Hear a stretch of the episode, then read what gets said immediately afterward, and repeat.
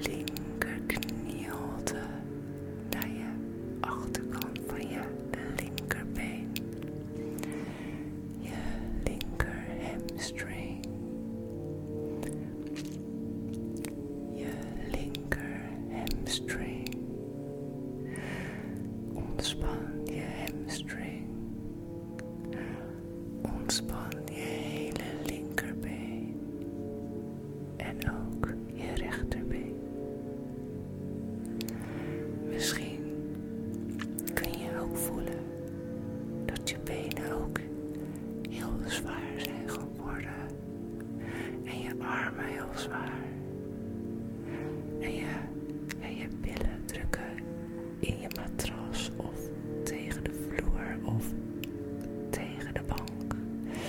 En als je zo eens eventjes observeert